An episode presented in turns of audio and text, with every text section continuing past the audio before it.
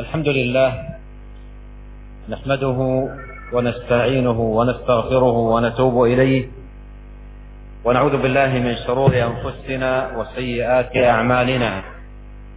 من يهده الله فلا مضل له ومن يضلل فلا هادي له. وأشهد أن لا إله إلا الله وحده لا شريك له. وأشهد أن محمدا عبده ورسوله.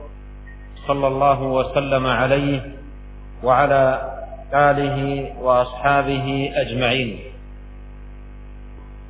اللهم لا علم لنا إلا ما علمتنا اللهم علمنا ما ينفعنا وزدنا علما وأصلح لنا شأننا كله ولا تكلنا إلى أنفسنا طرفة عين. أما بعد أيها الإخوة الكرام هذه لحظات طيبة نجتمع هذا الاجتماع الذي أسأل الله تبارك وتعالى بأسمائه الحسنى وصفاته العليا أن يجعله اجتماع خير وبركة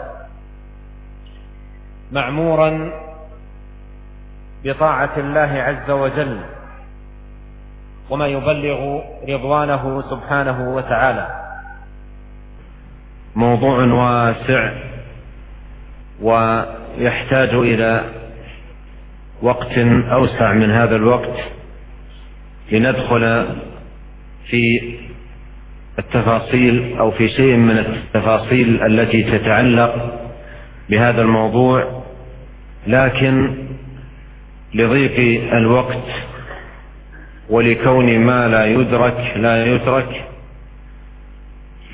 فإني أشير إلى بعض الفوائد على وجه الاختصار من وفاة نبينا الكريم صلوات الله وسلامه وبركاته عليه. uh, judul yang uh, telah diumumkan yang insya Allah kami berencana untuk menyampaikan adalah judul yang sangat luas yang membutuhkan waktu yang eh, lebih panjang dari waktu sekarang ini agar bisa dijelaskan dan dipaparkan eh, permasalahan-permasalahan uh, yang berkaitan dengan uh, judul ini yaitu yang berhubungan dengan pelajaran-pelajaran uh, dari meninggalnya Nabi Muhammad SAW. Namun karena terbatasnya waktu dan eh, berpikiran bahwasanya apa yang tidak mungkin didapatkan semua tidak mungkin ditinggalkan maka pada kesempatan yang seperti yang terbatas ini saya akan memberikan isyarat dari sebagian manfaat-manfaat pelajaran-pelajaran yang bisa kita petik dalam uh, penuh dengan keringkasan semoga Allah Subhanahu wa taala memberkahinya. من الفوائد أن العبادة إنما هي للحي الذي لا يموت سبحانه وتعالى. قال الله تعالى وتوكل على الحي الذي لا يموت وقال تبارك وتعالى الله لا إله إلا هو الحي فالعبادة إنما هي للحي الذي لا يموت.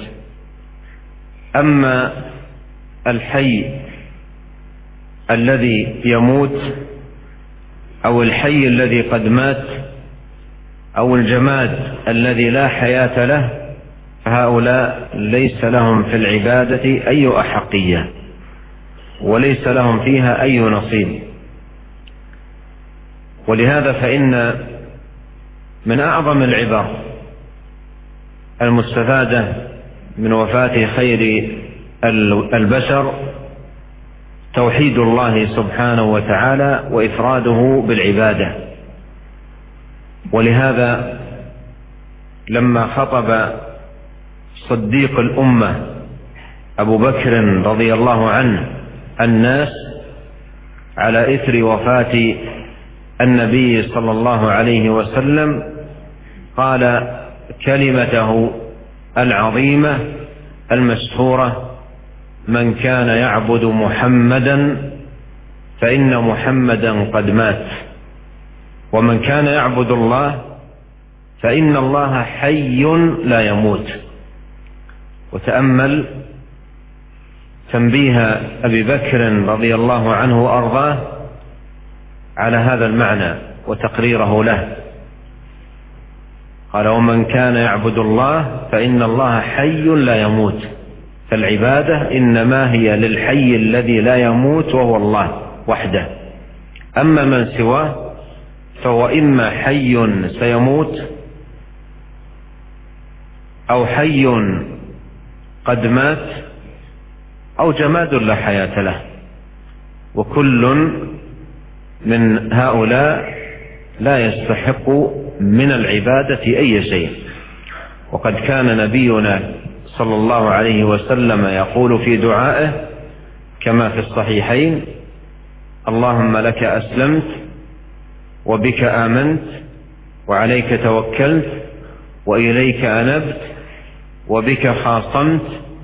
أعوذ بعزتك لا إله إلا أنت أن تضلني فأنت الحي الذي لا يموت. والجن والإنس يموتون dari pelajaran-pelajaran yang terpenting dari kematian wafatnya dari wafatnya Rasulullah sallallahu alaihi wasallam uh, adalah tauhidullah wa ifraduhu bil ibadah mentauhidkan Allah dan mengesahkannya dalam beribadah dalam hal ini khutbah yang masyhur dijelaskan oleh Abu Bakar Siddiqul Ummah Abu Bakar Siddiq radhiyallahu taala bahwasanya beliau menyampaikan khutbahnya setelah wafatnya Rasulullah sallallahu alaihi wasallam. Uh, beliau mengatakan man kana ya'budu Muhammadan fa inna Muhammadan qad mat barang siapa yang mengibadati Muhammad maka ini Muhammad sudah meninggal. Wa man kana ya'budullah. Barang siapa yang mengibadati Allah fa inna Allah hayyun la yamut. Maka sesungguhnya Allah Subhanahu wa taala maha hidup dan tidak akan mati. Perhatikanlah bagaimana pemahaman dan uh, isyarat yang disampaikan oleh Abu Bakar dan pemahamannya terhadap keesaan Allah Subhanahu wa taala dari kematian Rasulullah sallallahu alaihi wasallam yang menyimpulkan kepada kita bahwasanya selain dari yang bersifat maha hidup tidaklah akan mampu atau tidak berhak untuk mendapatkan ibadah. Baik itu yang hidup yang akan mati ataupun yang sudah mati atau benda-benda mati yang tidak memiliki kehidupan sama sekali tidak berhak untuk diibadahi selain Allah Subhanahu wa taala. Dalam doanya yang dikeluarkan oleh Imam Muslim, eh, oleh eh, Bukhari dan Muslim, Nabi Muhammad sallallahu alaihi wasallam menjelaskan bahwasanya Allah Subhanahu wa taala dijadikan tempat untuk berlindung, tempat untuk menggantungkan diri, tempat untuk atau uh, kita bertengkar karena Allah Subhanahu wa taala lantaran Allah Subhanahu wa taala Maha hidup. Sedangkan para malaikat dan jin semuanya ia mutun. Bahwasanya mereka mati dan bukanlah mereka itu uh, makhluk Allah yang berhak untuk mendapatkan ibadah selain Allah Subhanahu wa taala. ومن الفوائد أن هذه الشريعة المباركة جاءت بحماية حمى التوحيد وصيانة جنابه من كل أمر يفضي إلى الشرك بالله وعبادة غيره سبحانه وتعالى. وقد كان نبينا صلى الله عليه وسلم بين التوحيد أتم بيان وحمى حمى التوحيد وسد كل ذريعة تفضي بالناس إلى الشرك بالله تبارك وتعالى. ومن العبر المستفادة في هذا الباب من وفاته صلى الله عليه وسلم أنه قبيل وفاته بلحظات. لما كان عليه صلوات الله وسلامه في اللحظات الأخيرة من حياته كان مغطيا وجهه بخميلة أو خميصة فإذا اغتم كشفها وقال لعنة الله على اليهود والنصارى اتخذوا قبور أنبيائهم مساجد. قالت عائشة رضي الله عنها يحذر مما صنعوا يحذر مما صنعوا. واتخاذ قبور الأنبياء أو قبور الصالحين مساجد أي أماكن تتحرى فيها العبادة أو أماكن تبنى عليها أماكن العبادة التي هي المساجد لأن قوله اتخذوا قبور أنبياء مساجد يتناول ما إذا كان بني على القبر مسجد أو إذا تحريت العبادة عند المسجد ولو لم يبنى عليه. لأن كل من الأمرين ذريعة من ذرائع الشرك ووسيلة مفضية إليه. فسد النبي صلوات الله وسلامه عليه هذا الباب وحمى حمى التوحيد. فقال وهو في اللحظات الأخيرة من حياته لعنة الله على اليهود والنصارى. اتخذوا قبور أنبياء مساجد يحذر مما صنعوا. وذلك أن القلوب مجبولة على محبة الصالحين. الذين أعظمهم وأجلهم مقاما في الصلاح أنبياء الله ورسوله. فإذا مات الصالح ربما اتجه الناس من أجل تخليد ما يسمى ذكر ذكره أو إبقاء معلم يدل عليه فربما بنوا على قبره أو اتخذوا قبره مسجدا أو نحو ذلك من الأعمال التي تفضي بالناس إلى الشرك بالله سبحانه وتعالى. وتأمل هذا المعنى فيما جاء في سورة الكهف. قال الذين غلبوا على أمرهم لنتخذن عليهم مسجدا. هذا أمر معروف عند الناس من قديم وفيه هذه الخطورة العظيمة على عقائد الناس لأنه ذريعة مفضية بالناس إلى الإشراك بالله سبحانه وتعالى فجاء هذا الدين العظيم بحماية حمى التوحيد وصيانة جنابه العظيم من كل أمر يفضي بالناس إلى الشرك بالله تبارك وتعالى.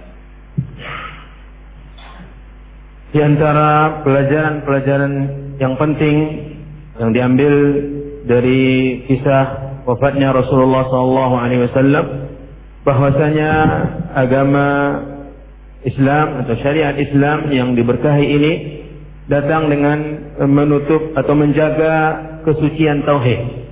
Datang membawa dan berupaya menjaga kesucian tauhid dan menjaga eh, kemurniannya dari setiap perkara yang merusak dan menodai kesuciannya dari perbuatan-perbuatan syirik dengan Allah Subhanahu wa taala. Nabi sallallahu alaihi wasallam telah menjelaskan perkara tauhid dengan penjelasan yang sempurna dan bahkan beliau berupaya melindungi tauhid, kesucian dan kemurnian tauhid dengan benteng-benteng yang kokoh, bahkan menutup segala wasilah, zariah, hal-hal yang mengantarkan seseorang kepada tindakan uh, syirik ditutup oleh Rasulullah Shallallahu Alaihi Wasallam.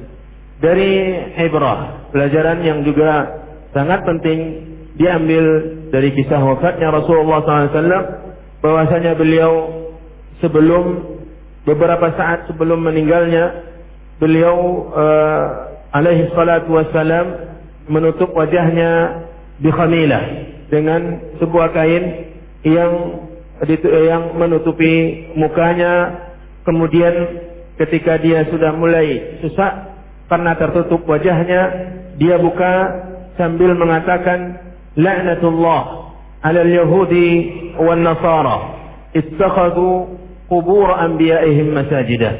Laknat Allah semoga diturunkan kepada Yahudi dan Nasrani ketika mereka menjadikan kuburan-kuburan para nabi mereka sebagai masajid, masjid-masjid. Aisyah ummul mukminin As-Siddiqah binti As-Siddiq radhiyallahu taala anha mengomentari perbuatan Rasulullah sallallahu alaihi wasallam dan perkataan ini dengan ucapannya yuhadziru ma sanau. Beliau dengan tindakannya ini memberikan peringatan dari perbuatan-perbuatan dan tindakan orang-orang Yahudi dan Nasara.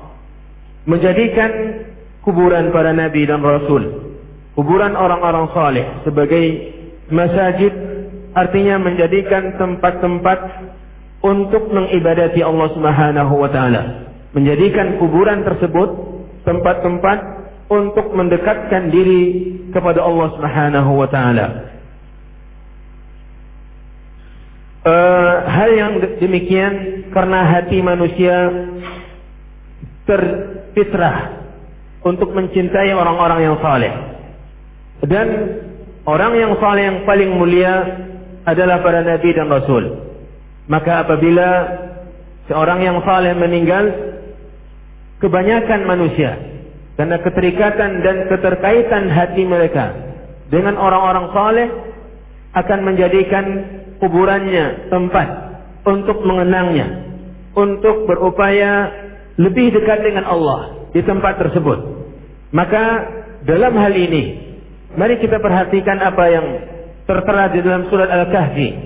Allah Subhanahu wa taala mengisahkan tentang perkataan orang-orang yang menemukan ashabul kahfi dan mengatakan setelah melihat mereka sudah meninggal qala alladziina ghalabu ala amrihim lanattakhidanna alaihim masjida berkata orang-orang yang menguasai yang berkuasa ketika itu mari atau sehendaknya semestinya kita menjadikan tempat matinya mereka ini sebagai tempat beribadah masjid. Ini adalah perkara yang memang sangat dekat dengan hati manusia, kedekatan untuk berbuat uh, kedekatan hati mereka dengan orang-orang saleh, membuat siapa pun juga. Berupaya untuk mengenangnya dengan mendekatkan diri kepada Allah Subhanahu wa taala di tempat-tempat mereka di mana dikuburkan. ومن الفوائد مكانة الوحي المنزل من رب العالمين في نفوس الصحابة رضي الله عنهم وأرضاهم وعظم منزلته عندهم ولهذا جاء في صحيح مسلم من حديث أنس بن مالك رضي الله عنه قال قال أبو بكر رضي الله عنه بعد وفاة النبي صلى الله عليه وسلم لعمر انطلق بنا إلى أم أيمن وأم أيمن كانت حاضنة النبي الكريم صلوات الله وسلامه وبركاته عليه. قال نزورها كما كان رسول الله صلى الله عليه وسلم يزورها.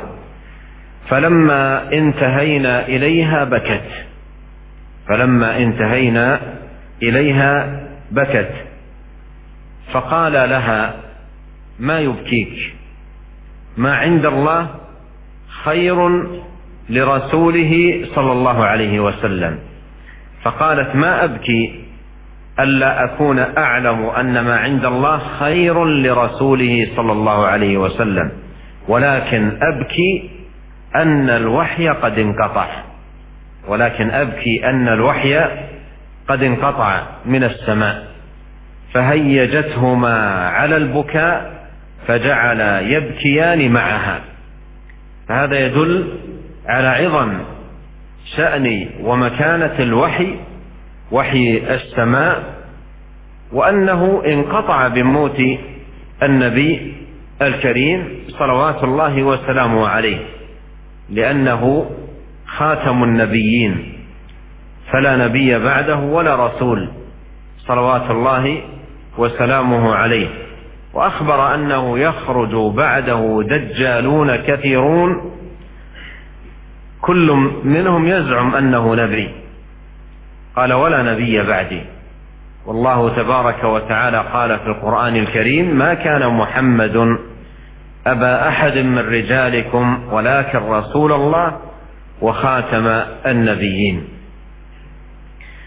وذكر نبينا عليه الصلاة والسلام أنه يخرج بعده دجالون ثلاثون.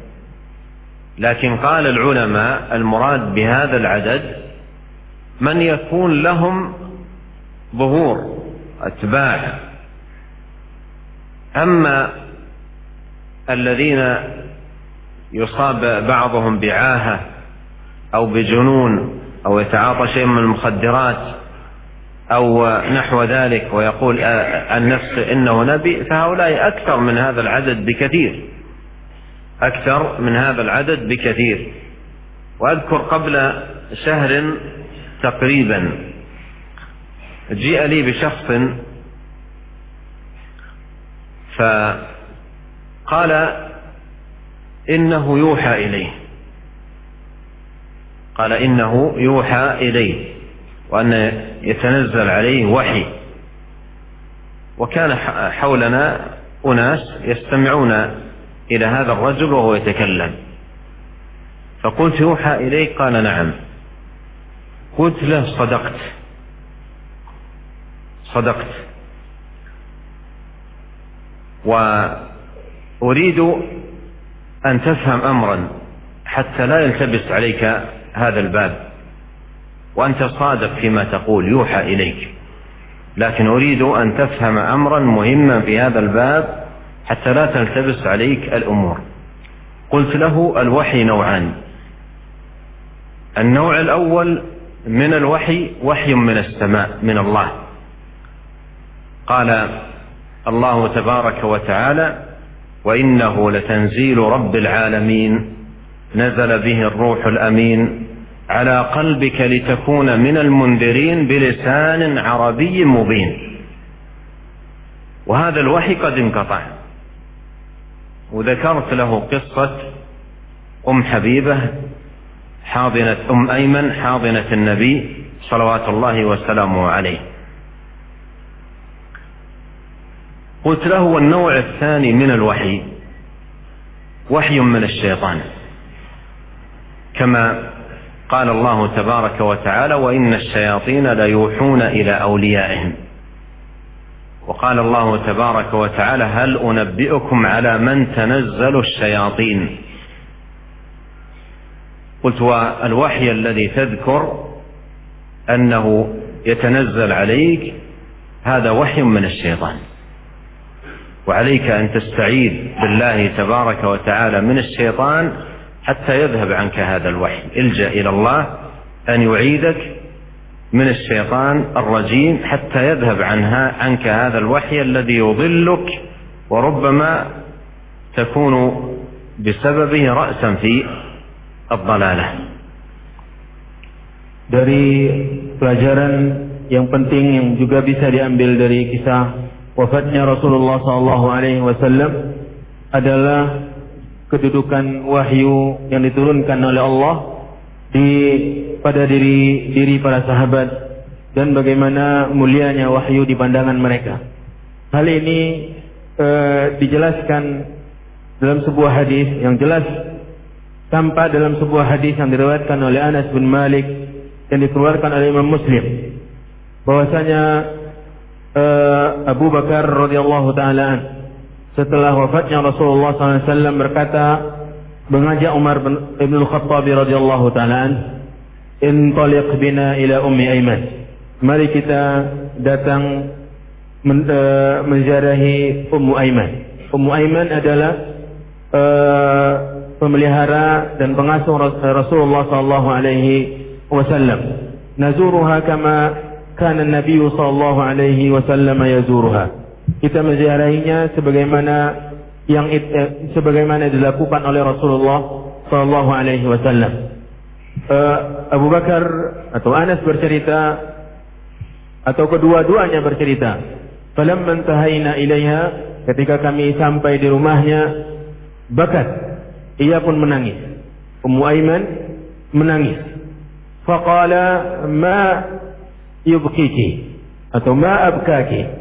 Apa yang membuat engkau hai Ummu Aiman menangis? Apakah engkau tidak mengetahui bahwasanya Allah Rasulullah SAW di sisi Allah mendapatkan kebaikan. Kata Ummu Aiman, bukan lantaran itu aku menangis. Tetapi aku menangis karena wahyu telah terputus dengan meninggalnya Rasulullah wasallam dan tidak akan ada lagi Al-Qur'an Al-Qur'an ayat-ayat Al-Qur'an yang diturunkan kepada Rasulullah SAW. Nabi Muhammad sallallahu alaihi wasallam sudah meninggal. Berarti dengan meninggalnya Rasulullah sallallahu alaihi wasallam wahyu sudah terputus dari langit. Fahayyajathuma 'alal buka. Jawabannya ini membuat mereka berdua pun menangis dan menangis sejadi-jadinya dengan tangisan Ummu Aiman. Rasulullah SAW adalah khatamul anbiya. Dia adalah penutup para nabi. Dia adalah penutup para nabi. Ketika ia sudah meninggal berarti tidak ada lagi wahyu diturunkan oleh Allah setelah meninggalnya Rasulullah SAW. Dalam hadis itu juga Rasulullah SAW mengabarkan bahwasanya akan keluar dajjalun, kathirun. Ada pembohong-pembohong, pengaku-pengaku nabi atau nabi-nabi palsu yang banyak sekali. Setiap nabi mengakui dirinya adalah utusan Allah Subhanahu wa taala. Padahal Allah Subhanahu wa taala menyatakan dalam Al-Qur'an, "Maka kana Muhammadun aba ahadin min rijalikum, walakin Rasulullah wa khataman nabiyyin." Bukanlah Muhammad itu adalah bapak salah seorang kalian, tetapi dia adalah utusan Allah Subhanahu wa taala dan penutup para nabi. Rasulullah SAW dalam hadis ini menjelaskan bahwasanya dalam riwayat yang lain menjelaskan bahwasanya dajjal-dajjal, pengaku-pengaku nabi atau nabi-nabi palsu jumlahnya 30 orang. Tetapi batasan jumlah ini yang dimaksud adalah Eh, pengaku-pengaku Nabi yang memiliki pengikut yang tampak dan jelas memiliki uh, tersebarnya pengakuannya ini dan punya pengikut-pengikut yang banyak. Adapun orang-orang yang mengaku Nabi lantaran ada penyakit dan ada kegilaan di dalam dirinya, maka ini sangat banyak, lebih lebih jauh, lebih banyak daripada 30 orang. Seperti yang dijelaskan dalam riwayat yang tadi. Beliau bercerita sebuah kenyataan atau kejadian nyata. Tepatnya sebulan yang lalu. Ia dihadapkan kepadanya seseorang yang mengaku Nabi. Seseorang yang mengaku Nabi. Lalu ia orang tadi me menyampaikan kepada syekh dan orang-orang yang ada di sekitarnya tentang alasan dia menjadi Nabi. Dengan mengaku-ngaku adanya wahyu dan seterusnya. Lalu Rasulullah SAW, eh, lalu beliau mengatakan sadaq, engkau benar. Engkau benar. Apa yang engkau lakukan ini benar. Tetapi seharusnya engkau memahami sebuah perkara penting. Dalam permasalahan ini agar engkau tidak salah menilai. Ia menyebutkan kepadanya bahwasanya wahyu itu ketika diturunkan atau wahyu bila mana diucapkan maka terbagi dua. wahyun minas sama. Wahyu yang diturunkan oleh Allah dari langit. Ini yang yang ditegaskan oleh Allah dalam Al-Qur'an wa innahu latanzilu rabbil alamin. Sungguhnya dia yaitu Al-Qur'an adalah sesuatu yang diturunkan dari Allah Rabbul Alamin. Nazala bihi Ruhul Amin. Yang membawanya adalah Ar-Ruhul Amin yaitu malaikat Jibril alaihi salam. Ala qalbika litakuna minal mundirin. Yang diturunkan dan disampaikan langsung ke dalam hatimu agar engkau menjadi orang-orang yang memberikan kabar peringatan. Ini wahyu yang pertama. Adapun wahyu yang kedua yang mesti juga engkau pahami yaitu wahyun minasyaitan. Wahyu yang datang dari syaitan. Ini yang ditegaskan juga oleh Allah Subhanahu wa taala, wa inna syayatina la yuhuna ila awliyaihim. Sesungguhnya syaitan-syaitan memberikan wahyu kepada pengikut-pengikutnya orang-orang yang mengekor kepadanya. Kemudian Allah Subhanahu wa taala dalam ayat yang lain mengatakan, "Hal unabbiukum ala man tanazzalu syayatin?" Apakah aku boleh memberikan memberitahukan kepada kalian kepada siapa? Kepada siapa? Syaitan-syaitan itu turun. Kepada tukang-tukang sihir. Selanjutnya ayat menjelaskan tentang itu. Kepada orang-orang yang jauh dari agama Allah Subhanahu wa taala. Maka beliau menasihatinya, hendaklah engkau berlindung kepada Allah Subhanahu wa taala dari wahyu yang kedua agar engkau selamat dan tidak sesat agar engkau tidak dibinasakan oleh Allah Wa taala ومن الفوائد ولعلها تكون الأخيرة لضيف الوقت والفوائد كما أشرت والعبر كثيرة مكانة الصلاة و منزلتها في دين الله. قد جاء في المسند عن علي رضي الله عنه قال كان آخر وصية رسول الله صلى الله عليه وسلم الصلاة الصلاة وما ملكت أيمانكم.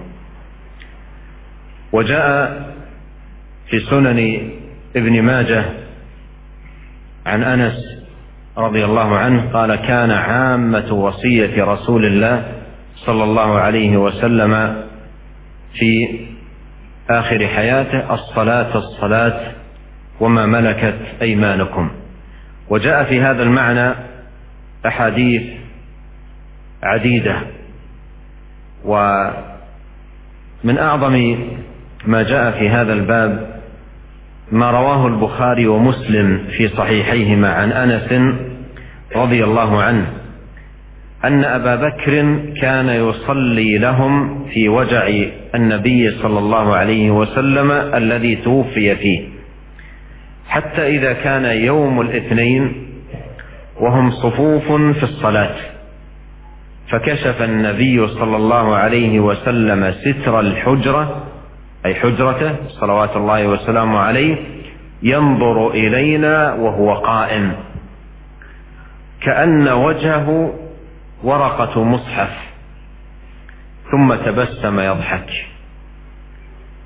فهممنا نفتتن من الفرح برؤية النبي صلى الله عليه وسلم. فنكص أبو بكر على عقبيه ليصل الصف وظن أن النبي صلى الله عليه وسلم خارج إلى الصلاة. فأشار إلينا النبي صلى الله عليه وسلم أن أتموا صلاتكم وأرخى الستر فتوفي من يومه صلى الله عليه وسلم. وهذه النظرة نظرة الوداع لأمته وهي مجتمعة في صلاة الفجر على إمام واحد. هذا الأمر الذي عني به عليه الصلاة والسلام وببيانه في حياته عناية عظيمة فأقر الله عينه برؤيته لأمته مجتمعة. فتبسم يضحك فرحا وسرورا بهذا المنظر البهيج والصورة المفرحة. مما يدل على المكانة العظيمة والمنزلة العلية لهذه الصلاة. وأسأل الله الكريم رب العرش العظيم أن يوفقنا أجمعين لكل خير وأن يصلح لنا شأننا كله وأن لا يكلنا إلى أنفسنا طرفة عين وأن يهدينا أجمعين إليه صراطا مستقيما. إنه تبارك وتعالى سميع الدعاء وهو أهل الرجاء وهو حسبنا ونعم الوكيل. والله تعالى أعلم وصلى الله وسلم على عبده ورسوله نبينا محمد وآله وصحبه أجمعين Uh, kaum muslimin dan muslimat yang dirahmati oleh Allah di antara pelajaran yang sangat penting yang dipetik dari kisah wafatnya Rasulullah SAW adalah uh, tentang uh, kedudukan salat kedudukan salat uh, menjelaskan betapa pentingnya salat di dalam uh, syariat Islam dalam Musnad Imam Ahmad uh, dari Ali bin Abi Thalib radhiyallahu taala Beliau mengatakan bahwasanya akhir wasiyatin Nabi sallallahu alaihi wasallam as-salata as-salata wa ma malakat aymanukum.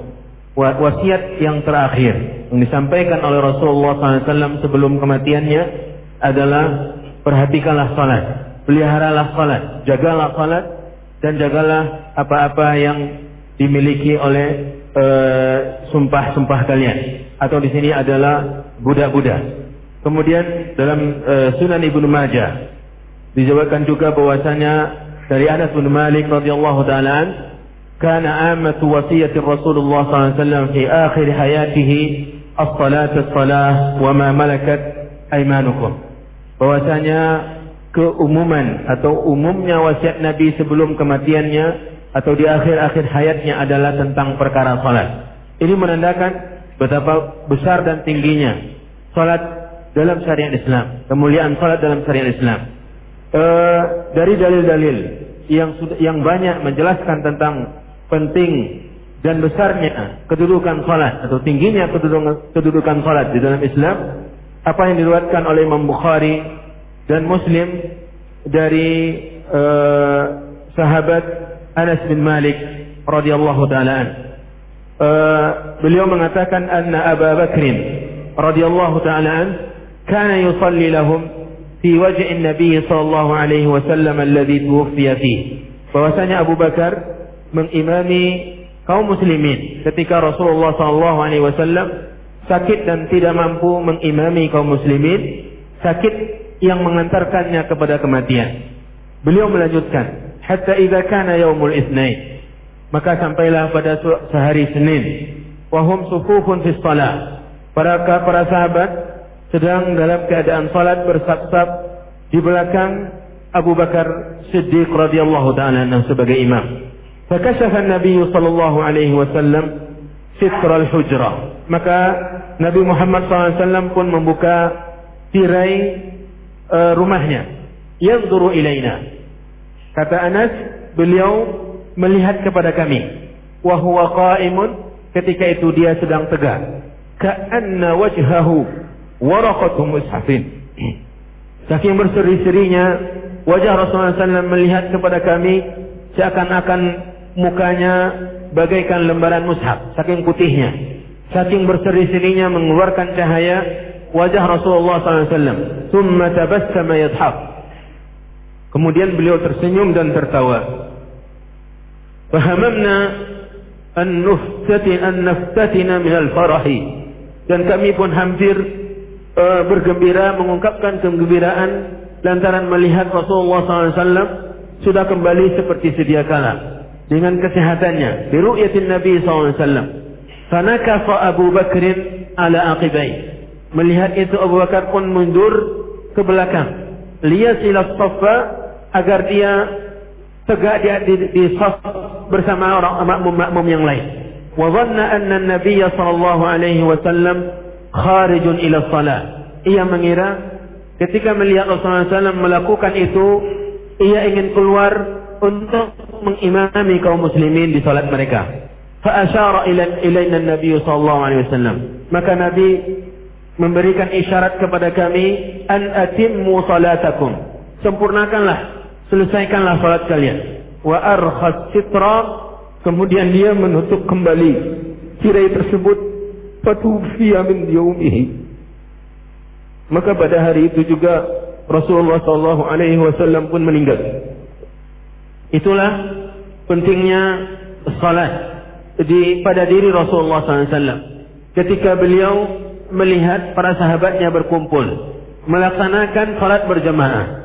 Ini yang membuat hatinya kembali bergembira, memberikan uh, kekuatan untuknya, membuat dia melupakan segala penyakitnya. Sehingga dia, dia mampu untuk tegak. Dan bahkan tersenyum dan bergembira melihat para sahabatnya berkumpul bersama. Melaksanakan ketaatan yang mulia ini. Kaum muslimin dan muslimat yang dirahmati oleh Allah. Dengan terbatasnya waktu maka Syekh mengakhiri kalimatnya ini yang memberikan kepada kita sebagian kecil dari manfaat-manfaat. Ibar. Pelajaran-pelajaran yang penting yang dipetik setelah dari kisah wafatnya Rasulullah SAW, maka beliau menutupnya dengan doa, semoga Allah Subhanahu Wa Taala mengabulkan doanya. Dan beliau pada jam uh, eh, 7 nanti akan berangkat menuju uh, Jakarta dan langsung melanjutkan ke Lombok untuk menyampaikan daurahnya di Lombok uh, setelah asar hari ini. Semoga Allah Subhanahu wa taala memberikan kemudahan dan kelancaran dalam perjalanan beliau, memberikan pahala yang berlipat, memberikan keberkahan pada ilmunya, hartanya, keluarganya, dan segala usaha-usahanya, menjadikan kita orang-orang yang mendengarkan perkataan dan mengikuti yang terbaik dari perkataan tersebut. والله تعالى أعلم وصلى الله وسلم على نبينا محمد وعلى آله وصحبه أجمعين. Kita tutup dengan baca doa subhanakallahumma wa bihamdika ashhadu an la ilaha illa anta astaghfiruka wa atubu ilaik. wassalamu alaikum warahmatullahi wabarakatuh.